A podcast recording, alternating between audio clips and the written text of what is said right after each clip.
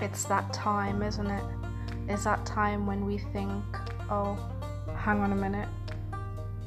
Am I where I should be? Should I change? Am I doing the right thing?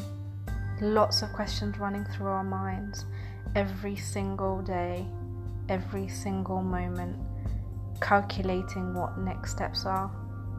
My name's Daisy, and I'm here to walk through the different decisions that we make and how it has an impact, whether it be in life, in business, in family, and just the swings and rounds about it. So thank you for listening, and I look forward to getting greater insight.